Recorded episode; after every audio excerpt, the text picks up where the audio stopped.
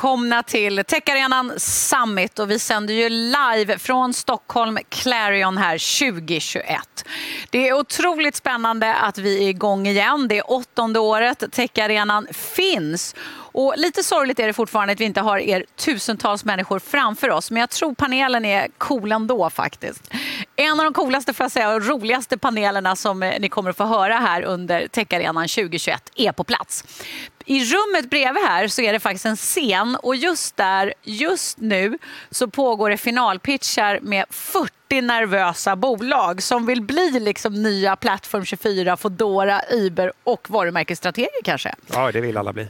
det vill alla bli, eller hur Fredrik? Jättetrevligt att ni är här, att ni tittar och jättetrevligt att ha panelen här. Välkomna! Tack. Tack. Tack. Alltså, några bolag sitter där i andra rummet och hoppas mm. bli, komma där ni är. Eh, och Det som kanske är mest spännande nu är ju att ni också representerar, vilket Fredrik och jag kommer gå in på, ju, de här nya kundbeteendena. Det är inte bara pandemin som skapar dem, utan det är faktiskt ni som aktörer.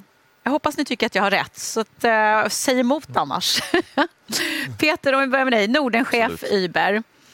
Pandemin förändrade den förstås för er en hel del. Det är väl en av de näringarna man talade mest om som fick tufft. Absolut, jättetuff mm. start. Globalt tappade vi 80 procent av omsättningen. Mm. Uh, vi fick tänka till och stod i stort sett inför två olika problem. Ett, mm. vi har inte folk som reser med oss som de gjorde på samma sätt förut. Och två, mm. det betyder att chaufförerna på vår plattform har inte tillräckligt att göra och tjänar inte mm. tillräckligt. Och hur tar man de här två problemen och hittar en lösning. Och där fick vi tänka till, men det har fötts nya idéer under pandemin. här. Mm. Till exempel har vi låtit chaufförer leverera med Uber Direct mm. varor till andra privatpersoner. Mm. Vi har dessutom låtit chaufförer köra mat för Uber Eats och då får de möjligheten mm. också dryga ut tiden och kassan på det sättet. Mm. Och även partnerskap med olika företag genom något vi kallar Uber Direct där man kan alltså skicka hem shoppingvaror och så vidare. Mm. Och på det här sättet så har vi tillgodosett det här behovet av att vara hemma och få mer saker beställt hem till sig mm. samtidigt som chaufförerna har fått mer att göra. Mm. Och nu ser vi att efter pandemin så har naturligtvis beteenden kommit tillbaka till viss grad. Men de här servicen används fortfarande. Och yeah. så sätt har influerat och skapat nya beteenden. Apropå att skapa nya kundbeteenden. Och Fodora, det måste bara... Folk vågar ju inte gå utanför dörren. Det måste ju ha varit all time high här. Ja men, ja men så var det ju. Vi, ja. vi hade ju bra tillväxttakt ska man väl säga redan innan ja. Eh, pandemin. Men sen nästan över natt så var det som att vi förflyttades eh, två år fram i tiden. Mm. Eh, och lite som Peter var inne på också någonstans, det har ju också varit en eh, liksom, de företag som har vågat innovera, testa nytt och tänka nytt mm. eh, har ju också kunnat, liksom, som vi också passat på när vi haft sån flow i, ja. i liksom hela efterfrågan, har ju gjort att vi kunnat ta in nya kliv och in på nya vertikaler. Så ja. Men det var ju också, alltså, nu sitter vi här i Sverige och man kan ju tycka, det känner ni väl allihop, man pratar om lite internationella kompisar, att shit, vi har haft restaurangerna ändå öppna. Vi har ju liksom, medan vissa delar har ni kunnat leverera, alltså det funnits restauranger öppna och leverera från till exempel? Ja, alltså vi startade ju, alltså restaurangerna är ju vårt blod och kött ja. på något sätt. Eh, och så vi, vi började ett restaurangstöttningsprogram mm. direkt egentligen. Där vi gjorde det mycket lättare för dem som inte fanns på vår plattform att komma med direkt. Mm. Men också mycket mer liksom, förmånliga betalningsvillkor och så vidare. Och, mm. eh, det var ju med oss och våra, våra konkurrenter förstås som gjorde att många restauranger faktiskt kunde hålla öppet. Jag tror mm. delivery för vissa restaurangaktörer var upp till 80-90 procent av ja. omsättningen ett tag. Mm. Mm. Jätte, jättespännande. Vi ska prata mer om just de här strömningarna, nya affärsmodeller som kommer, där Fredrik också ska berätta en del. Men jag tänker, Jakob, ska du berätta för dem som inte då som jag har jobbat på apoteket och veterinärskliniker, Annikura. Vad är Pla Platform 24? Mm. Eh, Plattform 24 är systerbolag till Doktor24 som är en vårdgivare, en digital vårdgivare och numera också digifysisk vårdgivare. Eh, samarbetar bland annat med just Apoteket. Mm. Plattform 24 då är teknikbolaget som levererar samma teknik både till Doktor24 men också till svenska regioner, svenska vårdförsäkringsbolag, svenska privata vårdgivare och även numera i Skandinavien och Nordeuropa. Mm. Så vi erbjuder helt enkelt regioner och andra privata aktörer en chans att kunna möta sina patienter, hjälpa till att lösa sina problem med samma teknik som utvecklats på marknaden för digitala vårdmöten. Mm. Men och det, pandemin, det var business as usual eller såg ni någon... Nej, man skulle säga pandemin var ju för oss i sjukvården och mm. vi ser oss som att vi är liksom sjukvårdsteknikbranschen. Mm. För det första var det en väldigt emotionellt stor omställning och väldigt svårt för många. Jag menar, mm. massa kollegor, vi har ju 20-talet läkare till exempel bland personalen. Jag tror många av dem har ju jobbat kliniskt länge, vissa kanske ryckte in och jobbade extra under den här mm. perioden, jobbade kliniskt för att ta emot patienter, många sjuksköterskor. Mm. Så jag tror, det finns ju väldigt mycket Eh, liksom utmattning, stress, mycket mm. känslor kring att jobba så pass hårt som hela sjukvården har gått på knäna ja. mångt och mycket mm. givet hur pandemin har ställt om vårdbehoven. Mm. Så jag tror rent allmänt för branschen har det varit ganska traumatiserande och mm. förstås uppenbarligen för alla liksom tiotusentals familjer som har förlorat mm. nära och kära. Mm. Så att, eh, men man måste också konstatera att det är klart, i och med att det var så stor omställning, att det kom från ingenstans, mm. så har ju förändringen i beteende har gått snabbare de sista 18 månaderna än det gjort på 10 år. Mm. Mm. Och det som jag tror är lite annorlunda i sjukvården, för sjukvården är ju dels förstås reglerad, mm. men också väldigt drivet av eh, liksom att det finns läkare och vårdpersonal att träffa. Ja. Jag tror jag misstänker att för er handlar väldigt mycket om att få konsumenter att inse att man kan beställa mat eller taxiresor så här. I sjukvården handlar det kanske inte lika mycket om att få patienter att vilja träffa läkare på distans eller att kunna kanske chatta med en, en mm. chattbot som guidar en rätt till vård. Jag tror ganska många vill det här. Det är mm. snarast ett utbudsproblem. Ja. Hur får man mm. vården att vilja finnas där patienterna är? Mm. Vården är nu också mycket stora bolag, stora regioner, tar lång tid att ställa om. Mm. När man väl gör det kan det vara väldigt kraftfullt. Mm. Men jag tror att vi har liksom en supply-sida som kanske är lite annorlunda misstänker än för er. Mm. Eh, era, era förare är liksom enskilda individer, det är liksom inte organisationer med tiotusentals människor som måste kollektivt bestämma sig för att jobba på ett annat sätt. Mm. Så som svar på din fråga mm. så har eh, det varit väldigt stora beteendeförändringar. Mm. Men kanske nästan mer skulle jag säga på sidan på vårdens sida ja. än på patienternas sida. Intressant. Fredrik, du är ju ja, trendspanare på internationella konferenser, RMI, ja, Bergs School of Communication. Va, va, vad talar du om när du föreläser och trender? Är det det här du ser som vi hör här? Vad är de stora? Alltså, alla här är ju verkligen trendiga eh, mm. på så sätt. För det är ju, alltså pandemin påverkade ju hela världen väldigt, väldigt fort.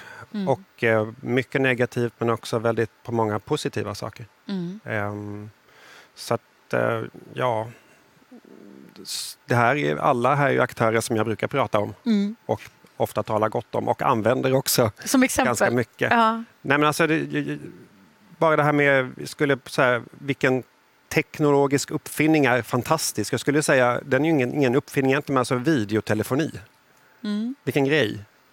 vi pratade innan om fem myror, men alltså från A till Ö tyckte jag var så coolt när Birgitta Andersson kunde prata med video med eh, Inga Gill, sin syster. Och nu är det så att man kan besöka läkare hemifrån, man gör allting så man träffar eh, alla sådär. Mm. Om inte videotelefoni hade funnits då hade vi ju inte klarat det här så bra. Nej, apropå det här fysiska mötet också. Kan man se där, man tittar på liksom, det här digitala språnget pratar mycket om som har hänt och utifrån att också tekniken fanns, vad många sa, teknologin fanns. Helt plötsligt så vart det då som du säger här videosamtal, det blev massanvändning av det. Eh, Peter, nu ni har ju hittat nya som du säger, liksom affärer, nya affärsmodeller. Vad, vad är Uber idag skulle du vilja säga? Vad är definitionen av Uber idag? Svårt att definiera, men jag skulle säga att det handlar om att erbjuda säker, pålitlig mobilitet mm. överallt mm. för att ta sig själv dit man vill mm. eller för att förflytta varor mm. eh, av olika typer dit man vill.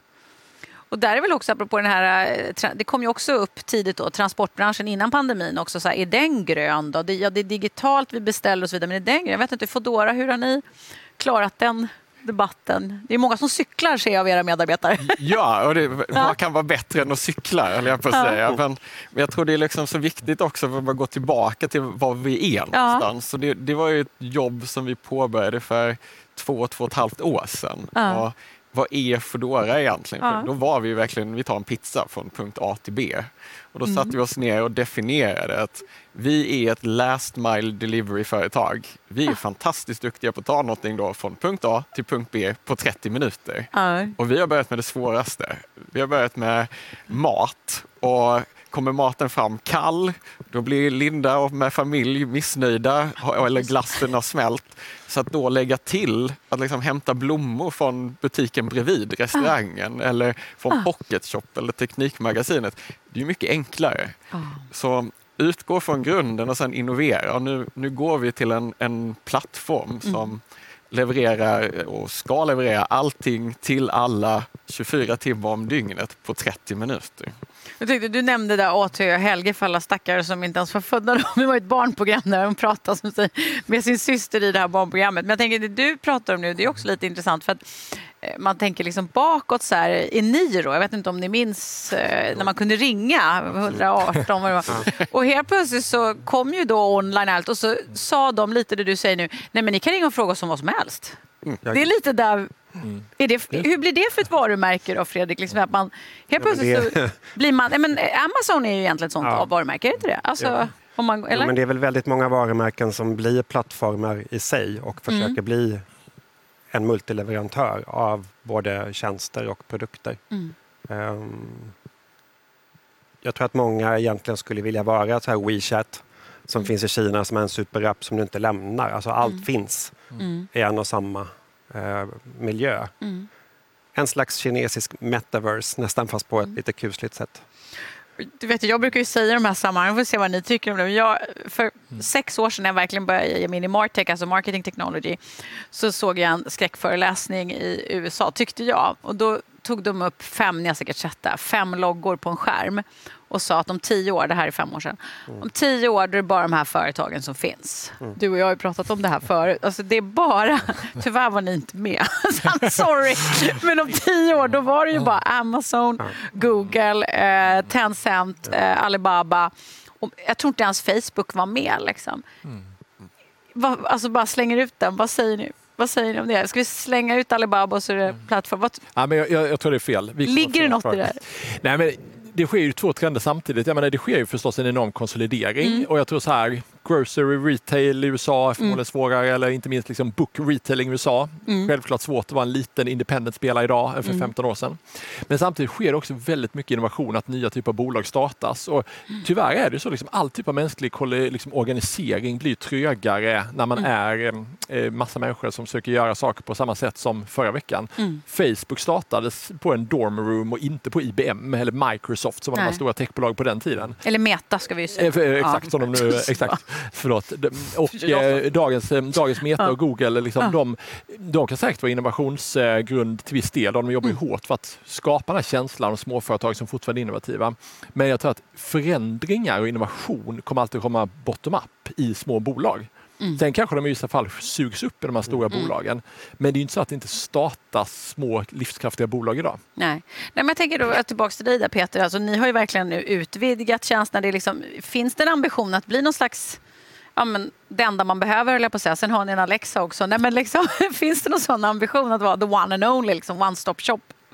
Inte nödvändigtvis. Jag tror marknaden Nej. får styra vad som, vad som är relevant. Men vi mm. ser att det finns utrymme här för att utveckla fortare och mer. Och mm. Några exempel på det, till exempel i USA nu så tillhandahåller man hyrbilar. Eh, I eh, några afrikanska länder har vi introducerat en eh, rider sharing där man faktiskt Aha. delar med en annan person en resa. Det som förut gick under Uber Pool till exempel. Mm. Och behoven för de här fortsätter att växa och jag tror att mm. det finns väldigt många nya services som man som en plattform kan tillhandahålla. Men mm. man behöver inte nödvändigtvis äga alla delar som matar in i plattformen. Mm. Hur, Foodora, Kanske ni ska ändra namn då? Metadora eller något? Ja, men på Facebook eller? Ja, Vad men, tror du? Är det missvisande redan nu Foodora då? Apropå ja, det, det, du nämnde. Det börjar ju bli det. Jag, jag börjar ja. få frågan ganska ofta. Ja. Så att, uh, man skulle ska Hans kunna... bara nu. Ja, nu ska det bara ha. Så det, det är ett fint varumärkesnamn i sig. Men, ja. uh, men Dora fungerar i alla fall. Ja. Alltså, någonting till dörren. Pandora. Uh, exakt. Men det, mm. Jag menar för att um, självklart är vi fortfarande störst i mat, men nu, nu bygger vi våra egna alltså butiker, alltså microfulfillment center som vi kallar för Foodora Market. Mm. Eh, vi kommer att ha 25 stycken vid årets slut. Vi, vi levererar ja, men då, batterier och blommor och ah.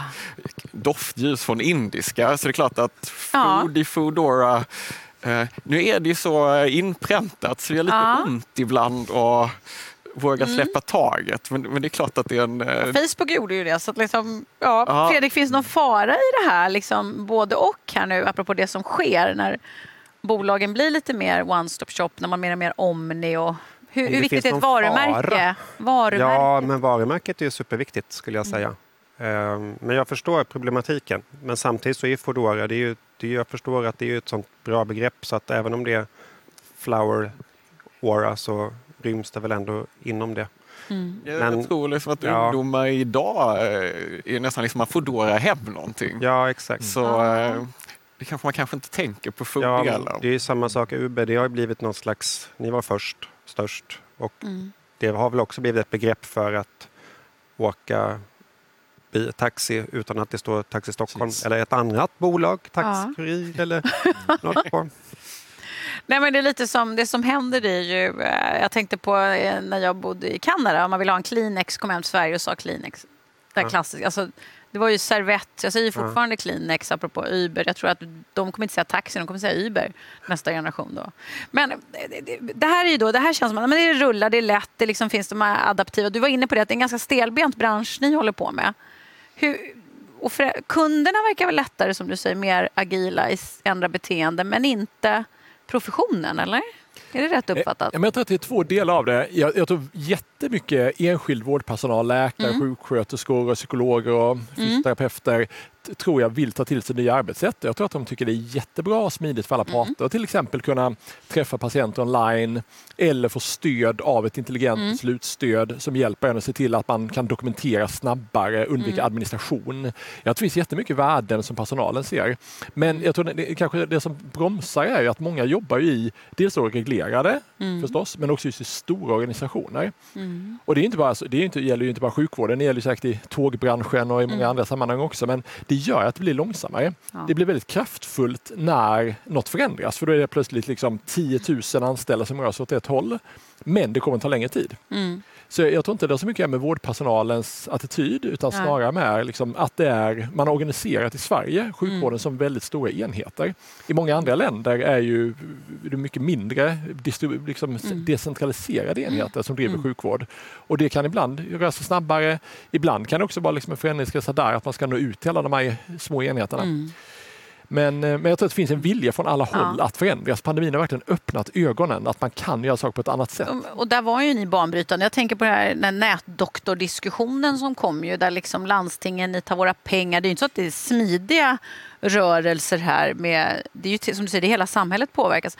Jag tänkte på, på apoteket när jag jobbade där. Då började ju vi öppna upp de här liksom vaccinationscentralerna, blodprov. Det var ju också så här från att bara ha delat ut så delat ut, mm. men liksom läkemedel och eh, alltså hälsoprodukter så skulle vi helt plötsligt bli mm. en tjänste, alltså tjänstegivare. På Och det var ju också så här, både från kunderna blev det, törs ska man ställa för vårdcentralen? Det gick ganska lätt. Mm. Och nu ser man ju Hjärtat och Apoteket AB också, där jag var, alltså det, är, det är verkligen en service man förväntar sig idag från apoteket. Så det är ganska smidigt. Men däremot det du säger, och det här tycker jag är intressant, är ju, vi pratar inte så mycket om pengar nu än i den här eh, panelen, men det man kunde se var att pengar naturligtvis för apoteket låg i apoteket. Sen när apoteket online kommer träffa farmaceut, alltså, där är det ju inte pengen. Pengen är ju i, och då gäller det att ha det här långsiktiga tror jag, tänket. För det handlar dels om pengar men också kundnyttan. Och nu sitter ja. jag med veterinärskliniker. Det är precis samma diskussion.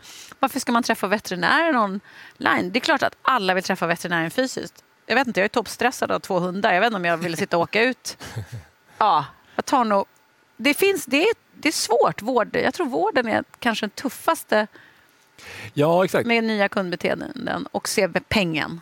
Nej, verkligen. Och det är klart att menar, vård är också ofta, oavsett om det är djurvård ja. eller humanvård, så är det ett sammanhang som ofta är ganska liksom, hög stressnivå mm. för, för, patienterna. Då, att liksom, det här är något som gått fel, jag är mm. sjuk, min anhörig är sjuk.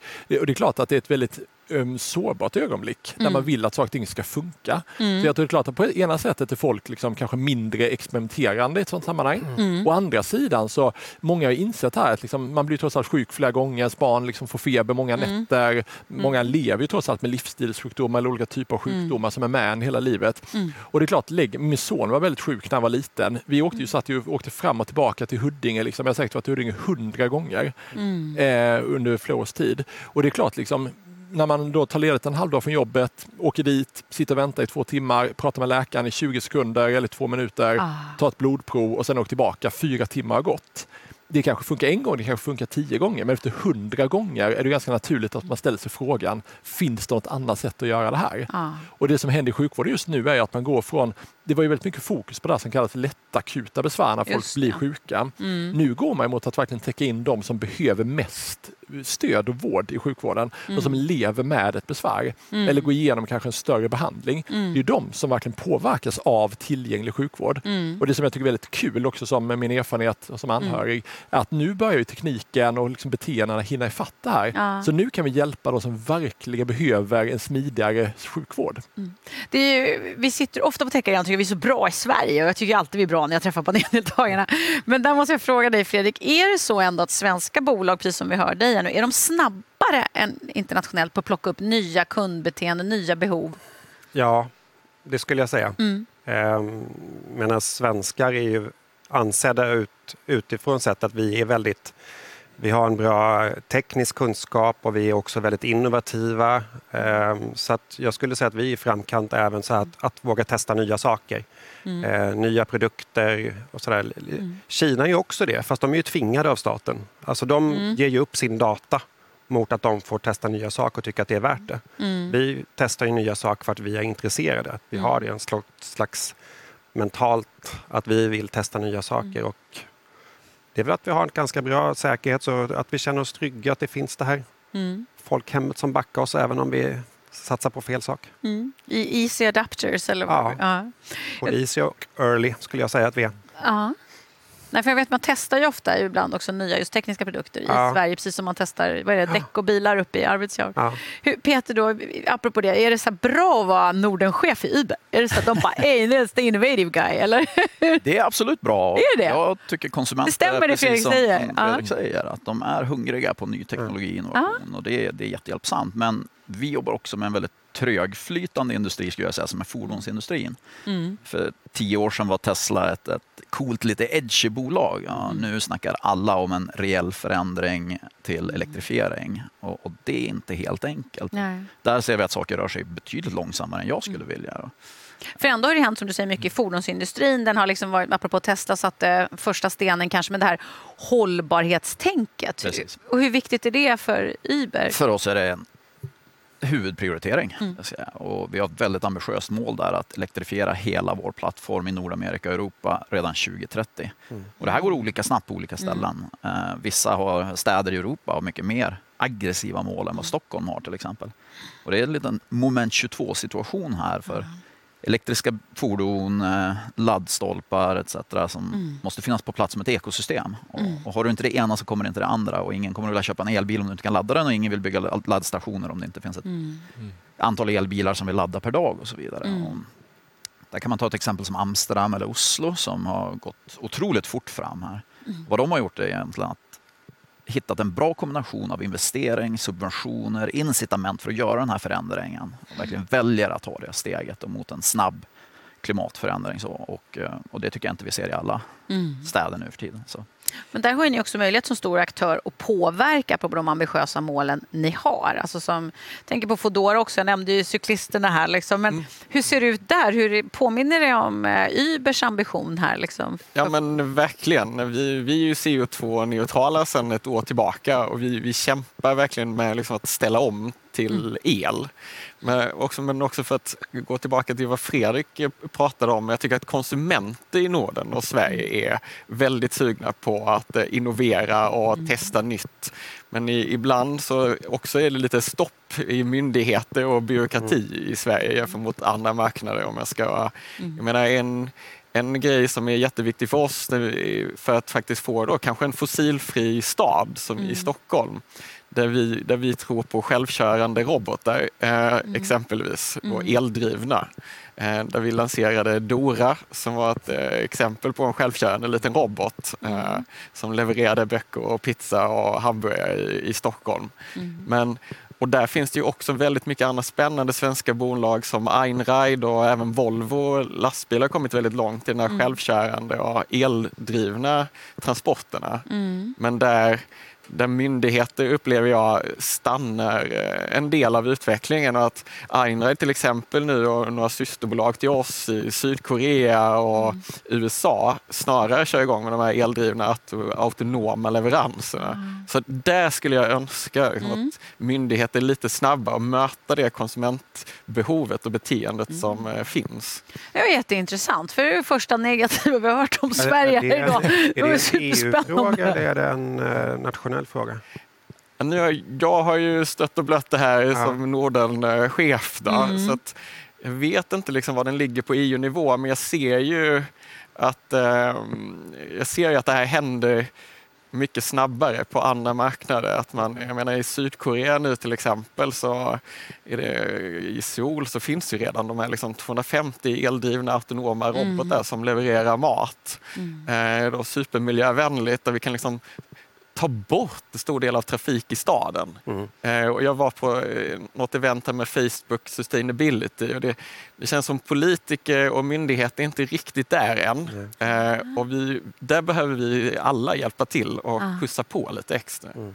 Intressant. Det här är ju en väldigt hårt reglerad och ska vara också i mångt och mycket eh, bransch, liksom, hälso och sjukvård, patientsäkerhet och så. Hur, hur ser du på det här i, i Sverige? Apropå det Hans säger, vi är inte uppenbarligen bäst på allt och när det gäller regelverket, har det hängt med?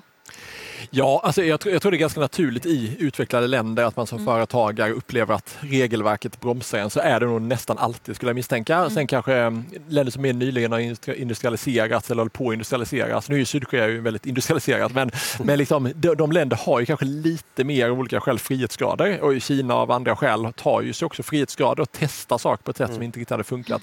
Så jag, jag tror att det är en allmän dynamik mellan liksom innovativa bolag och staten som ändå på något sätt måste garantera likvärdighet likhet och jämlikhet, att det inte blir, liksom, blir fel någonstans. Och inte minst mm. i sjukvården. Mm. Jag, jag, tycker, jag tycker ändå det funkar väl, men det är mm. vårt jobb är att pusha saker och ting framåt. Ja. Mm.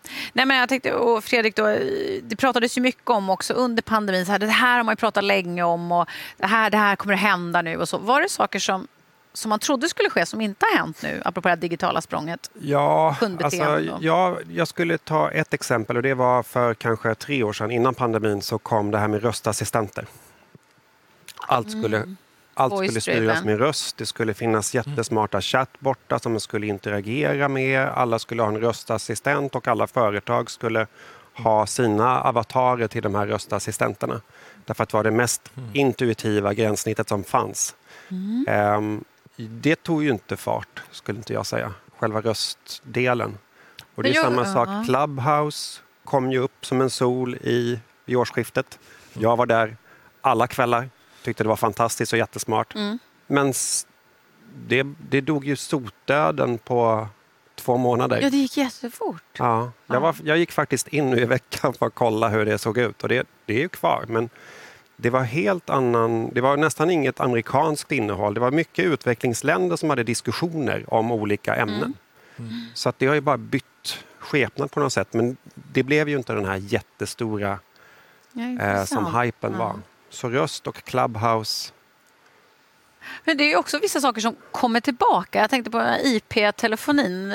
Ja. slutet på 90-talet. Ericsson kom in med det här IP-telefoni som skulle bli ja. jättestort. Och jag kommer ihåg att jag var så fascinerad av det när man höll på med marknadsföring och kommunikation. Att då var det ju så att då, då sa de då, 97, att du går in med din mobiltelefon och så känner, får du erbjudanden direkt. 97 sa de där, mm. direkt i telefonen när du är inne i butiken att de här skorna 29. Det har inte jag sett ännu. Man snackar om det hela tiden. Att När jag går in på apoteket då ska, ska det ju kunna komma upp sen jag står vid den hyllan att det är ett, Men det är också så här, det är ju ja, på väg nu. Men det är ju liksom där, det, ja, 20 år ja. senare så kommer vissa saker tillbaka. Och kanske också för att värdet, alla saker kanske inte ger så mycket värde för konsumenter som man hade, som gör Nej. att det är, ingen, det är, ingen, som springer på det. Varken att det startas inga bolag för att leverera på det och Nej. befintliga bolag tycker inte att det är det viktigaste. Mm. Men jag tror Stenbeck, Jan Stenbeck brukar du säga det här, ni vet liksom att här, eh, för man har pengar och pengar gör saker men politiken slår pengar men i mm. slutändan slår tekniken politik. Mm. Och jag tror man, man kan få det här, kanske inte i Kina. Han sänder, han sänder från England och i Kringrik lagstiftningen för de som inte är med på ja, men, men jag tror, svensk TV. Mm. Det visar på något sätt Mm. att när man, kan, när man kan lösa saker, när det, här, när det är möjligt att få Mm. mat att komma hem till svenska konsumenter, då kommer det skapas i en demokrati en vilja från folk, ja men så Mm. här vill vi ha det. När det finns ett enkelt sätt att kunna åka från A till B med bara trycka lite här, då kommer folk vilja ha det och på sikt kommer regleringar att hänga med. Mm. Samma grej i sjukvården. Och det är fördelen med att bo i en demokrati, att det utgår ändå från folkviljan. Och folkviljan informeras ju av vad som är tekniskt möjligt. Mm. Och det är vårt jobb då som bolag att pusha det här som är tekniskt möjligt så att folk fattar att det här kan skapa värde. Och då kommer det förr eller senare att bli så. Det är min fasta övertygelse. Ja, och liksom för att bygga vidare på det så tror jag, jag älskar Stenbeck-citatet by the way. Men eh, jag tror också att innovation driver också konsumentbeteende och förändring. Eh, i många gånger så kanske innovation kommer inte från vad konsumenter tror sig behöva utan vi skapar det behovet. Mm. Eh, man kanske inte tänkte att man skulle sitta hemma i en pyjamas framför Netflix och kände att jag behöver ha hem Ben Jerrys på 15 minuter. Men när man väl Men nu är det som inser det att det kan gå så bara jäklar, det, Det är som ett barn, då vill man. Liksom. Ja. Jag älskar det jämfört med Clubhouse. Jag har faktiskt inte tänkt på det, att det har dött. Liksom. Mm. Peter, hur känner du liksom, framåt här nu då? Vad är drömmen? Jag gillar de här diskussionerna om att man kan faktiskt förändra beteenden genom innovationen som man Ja. tillför till marknaden. Och, eh, så här, taxiindustrin som koncept har funnits i hundra år. Men under den tiden har privat bilägande gått upp, upp, upp, upp, upp Mm. fortfarande. Mm. Jag tror en vision för oss här är att behöver man verkligen äga en egen bil eller kan våra services på något sätt influera kundbeteende Mm. att man faktiskt kanske inte behöver sin egen bil. Research visar att den står still 96 procent av tiden i storstäderna Mm. och det är inte effektivt. Ja. Om man kan minska trängseln, minska utsläppen och som jag brukar säga förvandla parkeringsplatser till parker genom Mm. att bättre utnyttja det som finns med tillgänglig teknologi och infrastruktur. Ja. Då tror jag vi verkligen kan influera ett Nej, jag klarar mig helt med. Uber och era kära kollegor. Jag har ingen bil. Det är jättetrendigt att ha bil. Det var jättespännande, du var inne på Jakob också. Nej, men det är jättespännande det du säger. Jag tänker så här, man får kanske tänka som en så här eh, relation innan man träffar honom. Men inte förrän han har träffat mig vet man att han inte kan vara utan mig. det är lite det ni säger. Det är jättespännande. Jag försökte hitta ett bra slut. Jag vet inte om det var ett bra slut. Någon annan får gärna ta över slutet där annars. Det var ett jättebra slut. Men Fredrik ser tveksam ut. Hörrni, tack så jättemycket. Halvtimmen är passerad med denna fantastiska panel. Stort tack ska ni ha. Tack. Och ni som sitter eh, hemma eller på jobbet eller bara fortsätt hänga med oss. Massa spännande paneler idag. Och så måste vi se vem som som vinner Techarenan Challenge idag också. Välkomna tillbaka.